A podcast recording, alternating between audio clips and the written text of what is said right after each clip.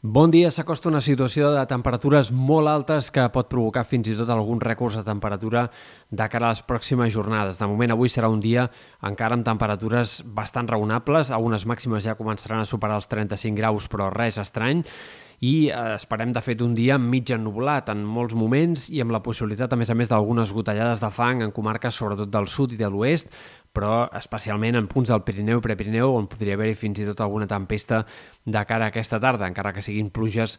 més aviat puntuals i poc abundants. De cara als dies vinents, demà la temperatura sí que ja començarà a disparar-se de forma clara, a pujada clara dels termòmetres i de cara a dijous, màximes que arribaran ja a superar els 40 graus en algunes comarques interiors de Ponent i sobretot de les Terres de l'Ebre. Unes màximes que s'instal·laran en aquests valors molt alts de cara no només a dijous, sinó també divendres, dissabte, diumenge i possiblement fins i tot encara a l'inici de la setmana que ve.